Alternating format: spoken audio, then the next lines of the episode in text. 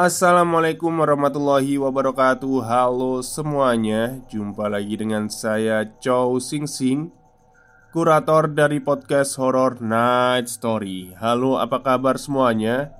Semoga kalian semua sehat-sehat ya. Dan seperti biasanya pada hari ini saya kembali Dan akan menghadirkan sebuah kisah mistis untuk kalian semua. Kisah mistis kali ini saya datangkan dari treat horornya Mas Zero Point yang berjudul Pesugihan Janin. Oke, daripada kita berlama-lama, mari kita simak ceritanya. Satu sepeda motor bebek ditumpangi beban penuh melintas menembus jalanan gelap berkabut di bawah kaki gunung. Nampak pasangan muda yang tengah hamil tersebut menuju ke satu rumah berhalaman luas yang sebagian besar materialnya terbuat dari kayu. "Permisi, Mbah." Salam Rudi. Mereka masuk ke dalam rumah yang ruangannya sudah mengepul asap dupa. Sesajen ubah rampe tersusun rapi di atas altar bersama lilin-lilin. Usia kehamilannya tepat tujuh bulan, Mbah. Kami sudah siap Ujar Rudi. Mbah yang dimaksud ialah seorang nenek tunanetra Berambut putih yang mengenakan kain jari. Meski buta Simba seolah mampu melihat apa yang ada di sekitarnya Baik yang tak kasat mata maupun yang kasat. Mbah hanya membantu kamu sendiri yang harus melakukannya. Jelas Simbah menunjuk Yuli, perempuan hamil besar yang duduk tepat di hadapannya. Tanpa berlama-lama, Simbah bangkit berdiri. Yuli diminta mengikutinya menuju ruang di balik tirai itu. Rudi diminta menunggu di ruang tengah. Di dalam ruang sempit berukuran dua kali tiga berbaringlah Yuli di atas ranjang kusam. Simbah membisikkan sesuatu di telinga Yuli yang membuatnya terkejut. Namun, Yuli merasa harus sudah siap dengan pilihan yang sudah dia ambil bersama suaminya itu, Rudi. Asap kemenyan mengelilingi tubuh Yuli seraya membasuh perutnya yang melendung. Kepala Yuli dikenakan benda mirip sigar Lalu dia dikalungkan rangkaian bunga kantil dari dalam kendi kecil. Simba mencipratkan air mawar ke wajah dan perut Yuli. Seketika, Yuli merasa mules yang tak tertahankan di perutnya. Eh, eh, eh, eh. Mari kita mulai ya, Nak. Ucap pelan Simba Janin yang masih berusia tujuh bulan itu akan dikeluarkan paksa. Dengan beberapa kali hentakan nafas Janin bersimbah darah Keluar dengan mudah Namun tidak menangis. Yuli memperhatikan bayinya Yang sejatinya sudah terbentuk utuh. Simba menepuk-nepuk sang bayi Hingga akhirnya menangis. Yuli pun tak kuasa menahan tangisnya sekarang nak. Perintah Simba. Yuli mulanya ragu Namun desakan dari Simba Menghilangkan akal sehatnya. Dia mengambil gunting besar Mirip gunting rumput Yang telah disiapkan di tepi ranjangnya. Yuli berteriak histeris Menancap-nancapkan gunting itu Hingga brutal ke kepala sang tubuh bayi. Hingga Tangisan sang bayi perlahan tak terdengar lagi. Ya, bayi tersebut dibunuh oleh ibunya sendiri. Simbah pun tersenyum. "Tenang, bayimu tidak mati. Dia jadi anak Banyurang, tumbuh sebagai anak setan, dan kamu akan mendapat apa yang kamu mau." Ujar Simba Yuli tertawa Berderai air mata dia telah menyerahkan janinnya menjadi anak setan demi pesugihan yang ia lakoni bersama suaminya. Meteng tembean. Hari ini hari Rabu. Selama kalian usaha, harus tutup setiap hari Rabu dan lakukan ritual. Jelas Simba. Singkat cerita, di sebuah toko sembako berbentuk ruko tiga lantai yang tengah ramai pembeli. Seorang anak laki-laki berusia sekitar empat tahun berdiri di sudut tangga memperhatikan satu pegawai toko yang berdiri mengamati antrian panjang di kasir. Pegawai perempuan di kasir itu nampak kewalahan dan pegawai laki-laki itu menghampiri, menawarkan bantuannya. Rupanya, diam-diam dia menguntit uang pembelian yang sengaja tidak dimasukkan ke dalam struk. Aksinya ditangkap basah oleh anak laki-laki bermata sedikit juling yang mengidap autis itu. Setelah melakukan aksinya, dia beralibi meninggalkan kasar dengan katanya untuk mengecek barang di lantai tiga. Pegawai itu naik ke lantai tiga dibuntuti oleh anak itu. Di lantai tiga dia nampak menghitung uang hasil curiannya tadi. Pelan-pelan anak tersebut menghampiri. "Mas Nasir," panggil anak itu. Pegawai yang namanya terpanggil nampak terkejut melihat anak majikannya menatapnya tajam. Kemudian tersenyum lebar padanya Entah bagaimana bisa Anak itu menarik rak besi tinggi Yang berisikan kardus-kardus barang penuh Rak besi panjang itu menimpa Nasir Besi-besi runcing yang menonjol dari rak panjang tersebut menancap kepala, leher, menembus dada dan perut hingga alat kelaminnya. Nasir pun tewas mengenaskan di hadapan seorang anak laki-laki yang tampak tertawa riang. Namanya Tomo. Dia adalah anak kedua Rudi dan Yuli, pemilik toko. Namun, fakta bahwa Tomo sejatinya memiliki kakak yang dirahasiakan oleh orang tuanya. Entah ada kaitannya atau tidak, Tomo lahir dengan kondisi mental yang tidak sempurna dia difonis autis yang membuat perilakunya kerap kali meledak-ledak. Rudi dan Yuli memeriksa CCTV dan melihat jelas anak mereka melakukannya.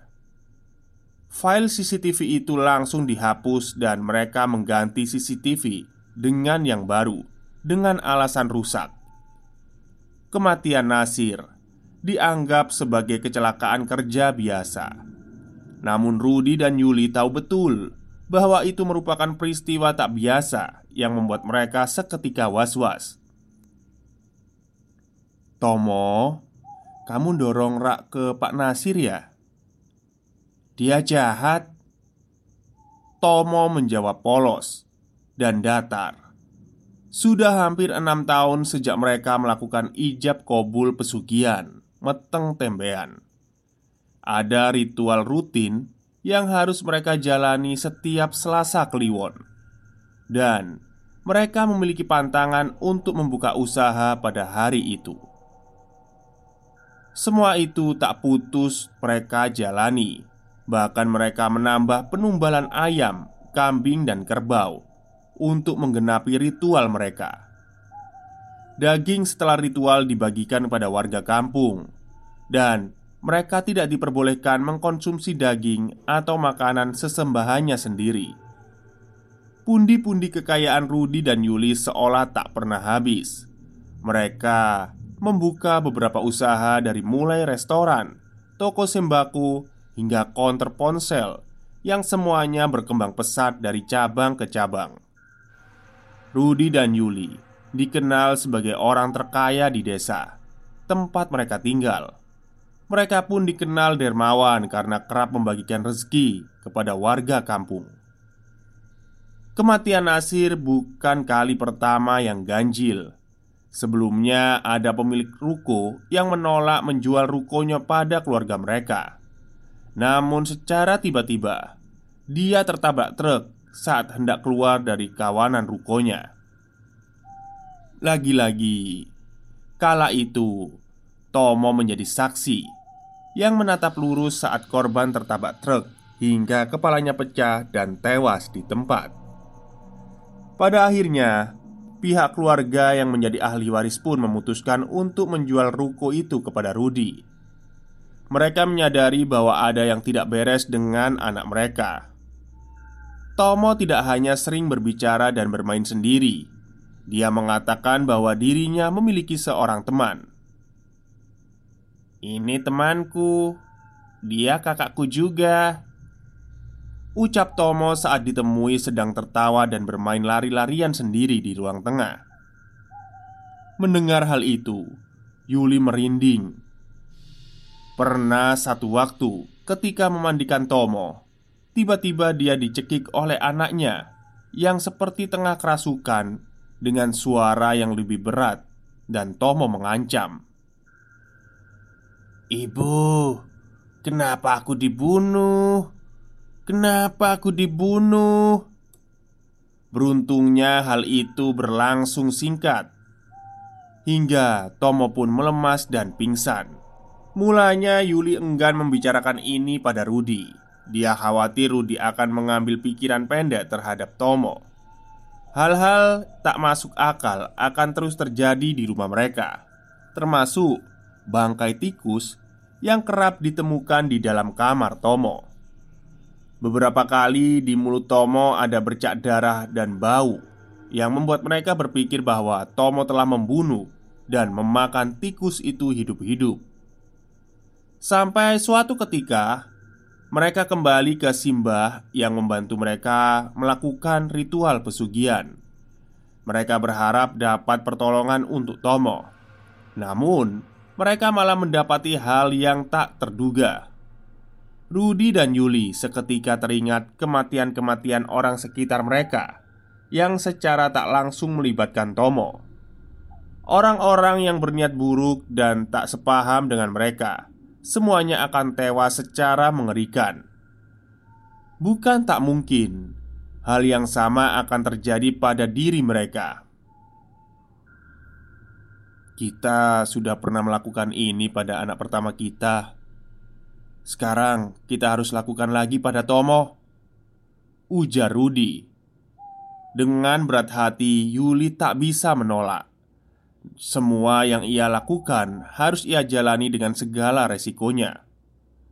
Harusnya sedari awal dia mencoba mengikuti saran dari Simba bahwa Jangan pernah sayang dengan anak sendiri. Ingat, mereka bukan milikmu. Namun, Ikatan itu terjalin begitu saja. Layaknya seorang ibu dan anak Tanpa bisa Yuli kontrol. Pada akhirnya mereka harus menjadikan Tomo sebagai tumbal di ritual selanjutnya. Usai mendapat petunjuk dan tata cara dari Simba Mereka pulang dengan perasaan kacau. Sejak saat itu Tomo semakin aneh Dia bahkan mengatakan pada Yuli Ibu, Kata temanku, ibu mau bunuh aku ya? Hehe, coba aja kalau bisa. Tomo mengucap dengan riang sambil tertawa lari-larian seperti meledek. Sampai akhirnya Hari ritual pun tiba. Rudi dan Yuli hendak menumbalkan anak mereka sendiri. Namun Coba tebak Siapa yang akhirnya mati? saat akan memeluk anaknya sebelum dibawa ke ruang ritual. Tanpa diduga, Tomo mendorong Yuli hingga jatuh ke tangga dari lantai dua rumah mereka. Yuli terbentur beberapa kali sampai akhirnya jatuh ke dasar lantai dan merembeskan darah dari tubuhnya. Mendengar suara jeritan Yuli, Rudi segera keluar dari ruang ritual dia menghampiri istrinya. Namun, sangat cepat Tomo menusuk kepala Rudi dari belakang dengan pisau besar hingga menembus kening Rudi. Pasangan itu tewas. Akan tetapi, keberadaan Tomo sampai sekarang tidak diketemukan di rumah itu. Tomo hilang begitu saja tanpa jejak. Ke mana perginya Tomo? Ya, gue udah cukup sering dengar ya cerita orang pesugihan yang berujung pada kematian orang tersayang Atau mereka yang sengaja menumbalkan keluarganya sendiri Sebelumnya, gue juga pernah baca berita di Kaskus tentang pesugihan rumah sangit di Patahan 2019 yang juga numbalin keluarganya sendiri. Ada juga manusia yang rela mengorbankan darah daging mereka demi harta dunia yang sementara. Percayalah, tidak ada pesugihan yang memberikan kebahagiaan kekal. Semuanya akan berujung pada kehancuran. Ya, itulah kisah singkat dari Mas Jiro Point mengenai uh, pesugihan janin. Jadi ini menurut uh, asumsi saya sendiri ya. Uh, si Tomo ini yang anak kedua ini sebenarnya adalah anak pertama yang dibunuh terus kayak apa ya ditumbalin akhirnya jadi kekurangan mental gitu ya Jadi kayak Gimana ya jelasinnya agak rumit sih. Intinya Intinya dia ini kayak Bayi setan gitu. Jadi bukan Bukan Bayi daripada Rudi sama Yuli lah. Intinya kayak gitulah. Makanya kan si Mbak Dukun itu ngomong Jangan sayang sama anakmu karena dia itu bukan anakmu, dia itu anak setan gitu kan. Oke, mungkin itu saja yang bisa saya ceritakan untuk hari ini. Semoga kalian semua suka. Wassalamualaikum warahmatullahi wabarakatuh.